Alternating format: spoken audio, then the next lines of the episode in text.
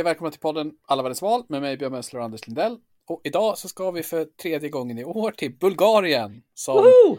slår till med ett ytterligare extraval till parlamentet och smyger in ett presidentval samtidigt dessutom. Så ja, det är dags igen Anders, hur känns det med det? Ja, men eh, äntligen.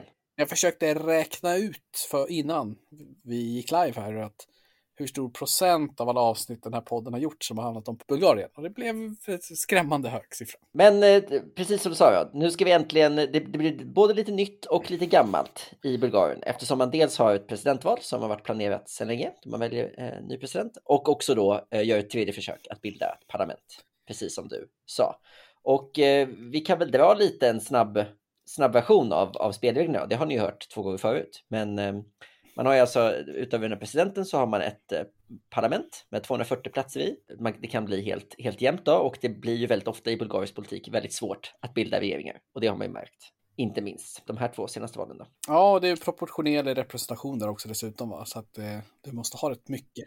Exakt, det är proportionell representation och man har ju haft ett partilandskap där vi har uppkommit väldigt många nya partier och man kan ju säga att det har ju präglats jättemycket av en trötthet av de här gamla konstanterna. Ska vi bara dra spelreglerna för presidentvalet lite snabbt också? Det är ett straight up eh, val då, men du måste få över 50 procent, så oftast så blir det då två omgångar och eh, det ser väl kanske ut att bli det den här gången också. Men sist var det två omgångar i alla fall.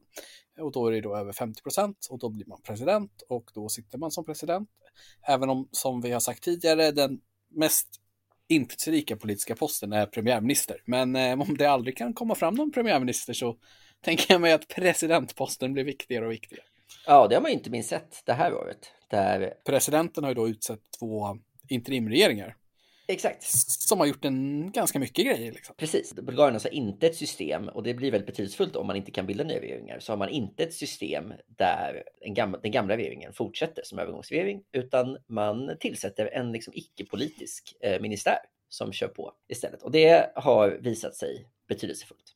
Den är ofta, tydligen så har de här icke-politiska ministrarna varit mer populära. Ja, ja. Ja, och liksom grundplåten skulle jag vilja påstå här, det är fyra partier. Det är liksom som har blivit någonstans konstanter. De tre första, det är då högerpartiet GERB som är de senaste som hade eh, premiärministerposten liksom som politiker. Och det är då Bojko Borisov som har varit Ja, han är också en liten en stark man kan man säga. Ja, precis. Han, har, han är den som har lyckats bäst och på något sätt sy ihop regeringar de senaste 20 åren. Sen så har man ett, ett stort socialdemokratiskt parti som ju precis som de ofta är i den här delen av världen är lite rysstillvänt och ganska konservativt i, i många frågor. Och sen så har man ett mitten, eh, liksom ett, ett liberalt parti som står väldigt nära den turkiska minoriteten och som är en otrolig konstant. Om man tittar på någon slags så här Paul Pols sammanställning så liksom alla kurvor går upp och ner, upp och ner, upp och ner. Men de här då som brukar förkortas DPS, de ligger stadigt på, på 10% Så de, de är som en liten, ett liten, liten liksom trygg hamn i det stormiga havet som är bulgarisk politik, den här DPS. Så de tre har ju på något sätt varit de tre hyfsat stora konstanta krafterna. Och sen i våras då, i valet i april som vi täckte i avsnitt 12, då dundrade ju partiet ITN under Slavi Trifonov in. Slavi Trifonov är ju den här eh, sångaren och tv-personligheten som startade sitt eget parti. Han är en personlighet helt enkelt. Ja, och de gick liksom i, i april så kom, fick de liksom en bit över 10% och i juli när det då var omval så fick de en bit över 20 och blev största parti. Så att nu i parlamentet så är det här eh, renodlade populistpartiet eh, ITN. Men så, framförallt så är de så här populist, ja, men de är så här anti, anti-etablissemang i att etablissemanget är väldigt korrumperat. Mm. Och det kommer väl tillbaka i när vi berättar vad som har hänt sen sist. Men i alla fall, ITN vann, eller vann, de fick 65 av 240 platser och man behöver ju 121 så de var ju hälften kort. Mm. Och Slavi var ju inte, han verkar inte vara jättetaggad på att samarbeta med någon. Så han försökte bilda en minoritetsregering med då liksom stöd av några eller några partier, men ingen regeringspartner. Men det sket sig och eh, då annonsade han ganska snabbt att man inte tänkte backa någon annan överhuvudtaget. Och det var väl där lite, eh, jag, tycker vi var någonting på det, att inför det valet så pratade vi om så här, det vågspelet det innebar för ITN då, för att man, man går till val ganska mycket på att det politiska etablissemanget har misslyckats och att man själv vill ta över och att man inte ska samarbeta med någon. Och så är man beredd då att ha en så pass låst position att det blir nyval. Och då bevisar man ju sin poäng att alla är korrupta och eh, omöjliga att samarbeta med. Och så blir det ett nyval och så ökar man. Men då blir det lite så här, ska man då igen, ska man chansa då, låsa sig igen, utlysa ett nytt nyval? Eller ska man liksom vika sig och samarbeta med någon och ändå ta makten och börja förändra? Och ITN valde ju då det tidigare, alltså de valde att här, sätta, sätta hårt mot hårt och eh, helt enkelt låta det bli ett nyval. I, och det gillar man ju. Gör man det verkligen? Ja, det är alltså, härligt med någon som löper linan ut när man själv inte har några konsekvenser. ja, men vad är, vad, vad är då ett parti? Ska man bara så här på något sätt pressa fram tills, tills man får 50 procent? Ja, jag säger så här, Slavi hade, hade aldrig rimmat med svenska socialdemokratin. Han, hade, han kände inget behov av att ta ansvar för situationen.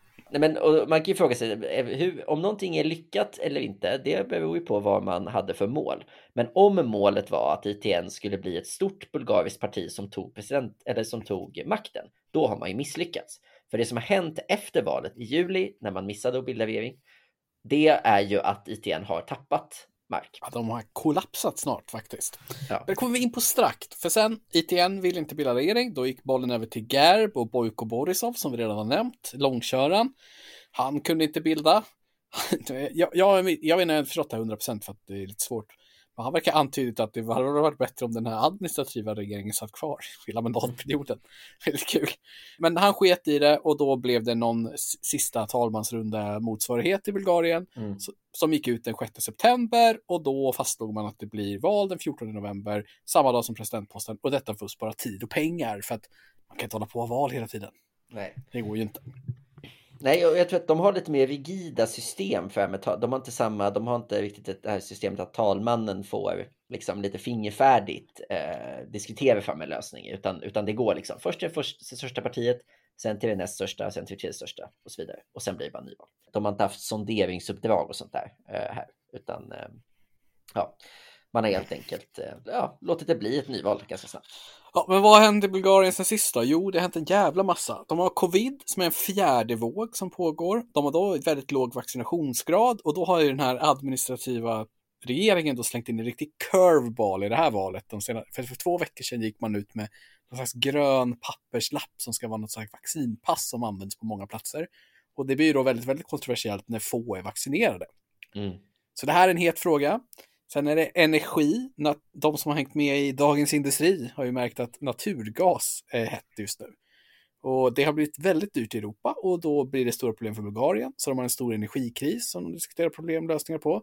Och sen är inflationen tillbaks, 5% i september. Och det är man inte sugna på heller. Så att liksom, det finns ju saker att ta tag i för en regering här. Ja, men presidenten då. Presidentvalet står enligt mätningarna mellan två män och sen finns det en tredje kandidat och sen är det 20 stycken till som är mer av no-namers. Så vi kommer ju nämna de här tre då. Det är Rumen Radev som är sittande president. Här är lite kul också, han kör som en independent och det gör även hans huvudmotståndare. Men det är mest för att slippa associeras 100% med några partier för att det är en börda. Men han stöds av ITN och sossarna och de här grejerna liksom som är med så här inte Gerb. Ja, och Radev har ju den här, alltså han har ju en bakgrund i Socialdemokratiska partiet och så. Ja, så han, han, är ju inte... Um... Jag tycker ju inte att han är en independent, men han kör som det i alla fall. Och eh, han vann då sist, och som alla vet, i det bulgariska valet 2016 så besegrade han i den andra rundan Tsetska Tsacheva från Gerb med 30, 60 mot 35. Och han fick då typ 25 procent i första rundan. Nu ligger han bättre till i mätningarna i första rundan. Han utmanas då i år av Anastas Gedzikov. Var det där rätt uttal? Ja, jag tror det. Som jobbar som rektor för Sofias universitet. Det tycker jag verkar soft. Eh, han kör som en independent också, men det är som ett taktiskt drag för att slippa stå till svars för all, allt stökigt som Gerb gjort i termer av korruption och skandaler och sådär. Men egentligen så tillhör han det laget. Och... Ja, alltså bakgrund i Gerb eller Socialdemokraterna är ju inte en fördel i bulgarisk politik nu. Det är inte där liksom, det händer. Det är så de som är det låtsas att de inte är det. Och då är ja. frågan, går någon på det här? Ja, vem vet. Men han utmanar i alla fall Rumen Radev och just nu verkar det stå i mätningarna mellan om han ska liksom kunna tvinga fram en andra runda eller inte. Mm. Han ligger runt 25 procent. Eh, och sen finns det ett namn till och det är Mustafa Salih Kardayi som kör för DPS, som är liksom det här partiet som är, det är kopplat till den turkiska minoriteten. Mm. Och, Och som har, ideologiskt då står lite i, i mitten mellan de här två. ja, och de är typ 10 procent. Och sen är det liksom resten som är ja, massor med människor och partier som inte har någon chans. Men det är otroligt, får man ju säga, att Radev har lyckats få, få ITN och stöd, stödja honom. För jag menar, ett parti som då är emot den politiska eliten i landet, som ändå stödjer den sittande presidenten, som ju på något sätt är så mycket elit man kan bli. Det var ju, det var ju snyggt hur han löste det. Eh, och, det, man, det jag tänkte så här med, med Radev också är att eh, om vi ska gå in lite på det som är spännande sen sist, då, det är ju den här eh, tjänstemannaregeringen som, som ju han har tillsatt, de här, den här teknokratlösningen. Därför att det är ju det som händer. Det är ju, det är ju presidenten som då tillsätter en sån regering när man inte kan lösa det på något annat sätt. Eh, och det blir speciellt då när man har en, eh, vi pratade om det i förra avsnittet också, att Radev och Borisov, de har ju varit, liksom haft ganska svårt att samarbeta. Så att när eh, han byttes ut då, Boyko Borisov, då är det klart att den här nya regeringen, den kanske inte är helt politiskt ofärgad, utan det blir ju lite en spegling av åsikterna hos presidenten också. Såklart, det är ju omöjligt att det blir på något annat sätt. Eh, och nu har de ju suttit sedan april. Och eh, det finns väl, du sa att Borisov till och med hade tyckt att de kunde köra på och det verkar ju de själva också tycka. Nu har ju alltså eh, gänget bakom den här interimregeringen startat ett nytt parti. PP, We Continue to Change. Ja. Och de käkar ju upp Slavi nu. De checkar upp Slavi och de är liksom väldigt likt i det som hände i senaste valet i, i september var ju att det dök upp det här Democratic Bulgaria, någon slags allians av typ hyfsat systemlojala eh, liberaler som ändå var kritiska mot det politiska etablissemanget och det, det stora gröna partiet i Bulgarien. Så att plötsligt finns det liksom flera partier som kommer från mitten med en liksom kanske anspråkslösa krav rent ideologiskt men ändå med en tydlig vilja av att vara något annat än den eh, den rådande politiska eliten. Ja, men alltså det känns som att det, det finns ytterligare krafter i den här eller gamla politiska maktenrörelsen. Och Mm. Slår man ihop alla de partierna som borde kunna bilda en koalition nu så, ja, det, det borde ju gå snart. Liksom. Precis. För att de här PP, de är uppe på typ 16 procent i mätningarna och då är de näst största parti. Och de, de känns lite roliga för att en grej som jag har förstått att de går till val på, det är bland annat att de vill avskaffa typ motsvarande riksåklagaren. Som är en allierad till Bojko Borisov och Gerb då, som anses vara Men vadå, vill de avskaffa hela ämbetet? Hela ämbetet, yes, exakt. Okej. För att han som har den är då en allierad till Gerb och Bojko Borisov och även om de röstar bort Borisov så sitter den här snubben kvar och liksom, ja. Så då vill de bara ta bort hela det ämbetet Ja. för att liksom slippa det här. Så det var en konstitutionell fråga de går till val på, det gillar vi. Eh, och sen så läste jag någon sån här härlig, lite snyftig profil på någon av ledarna som heter Kirill Petkov, som såklart liksom är Harvard educated. Då känner man ju verkligen att det här är en rörelse från marken uppåt. Mm. Eh, men de är på G, de ser ut att gå jättebra. Och, eh, och sossarna ser ut att gå dåligt och GERP ser ut att hålla ungefär samma nivå som sist. Men Mm. tittar man på de senaste opinionsundersökningarna så ser det ju ut som att det borde ju gå att få till någon slags majoritet som inte är GERB här. Ja. Och som inte heller beror beroende av sossarna. För det är det som har varit problemet tidigare. Att det har funnits ett sånt, sånt missnöje med, med både det stora vänsterpartiet och det stora högerpartiet. Att man har inte velat behöva stödja sig på någon. Men nu är de ju nere på 40 procent tillsammans. Ja, nej, och GERB ser faktiskt ut att stärka sig något, så det är, de är back in the game liksom. Mm. Eh, och vi ser ännu ingen tendens i några mätningar på någon så här riktig så här extremhöger, vilket är lite intressant. Givet att det liksom både är inflation, covid och energikris. Ja, och att det fanns alltså, alltså senaste gången eh, Gerb hade makten, alltså så sent som tidigare i år, så, så var ju det lutat på en allians av högerpartier som sen då eh, låg omkring 4% bröt upp sin valallians inför valet i april och åkte ur parlamentet. Men, men med ett hyfsat, liksom ett halvstort stöd. Och de har inte kommit tillbaka. Det är verkligen, det är intressant. Så istället då, så om man ska eh, liksom rita upp kartan lite så ligger de här Democratic Bulgaria, ja, den här alliansen mellan liberaler och miljöpartister, de ligger på 10% Sen de här DPS är stadigt, ligger på 11. ITN har droppat ner till 12. Och är, falling, så Ja, så det, de kanske precis kanske fortsätter. Och de här PP på 16. Och alla de här, där, vi pratade om det här även förra valet, alltså det är ju svårt att veta såklart. Men av det man läser sig till så framstår det ju som att de här partierna ändå står hyfsat nära varandra. politiskt. Åtminstone så pass nära att det borde inte vara omöjligt att hitta en koalitionsregering och det är ingen som har låst sig att de vägrar samarbeta med någon av andra. Ja, det blir spännande att se om det löser sig den här gången. Eh, tittar man snabbt på opinionsundersökningarna för presidentvalet, även om vi antydde lite hur det låg till där, så, så ser det ut som att liksom Radev då, han ligger någonstans mellan 40 och 50 procent just nu. Lite tendens neråt. Vissa säger att det beror på det här vaccinpasset och så som är lite kontroversiellt. Men i så här hypotetisk andra runda undersökningar så ligger han stabilt på 65 procent mot Gertzikov. Så blir det en andra omgång så ska det mycket till om inte Rade vinner. Men det vore ju kul om det blev en andra omgång, Anders, för då får ju vi komma tillbaks med eh, en, en, snabb podd om Bulgariens presidentvals andra omgång. Ja, självklart, det är alltid ett nöje att besöka Bulgarien. Och det hade Men... varit riktigt kul.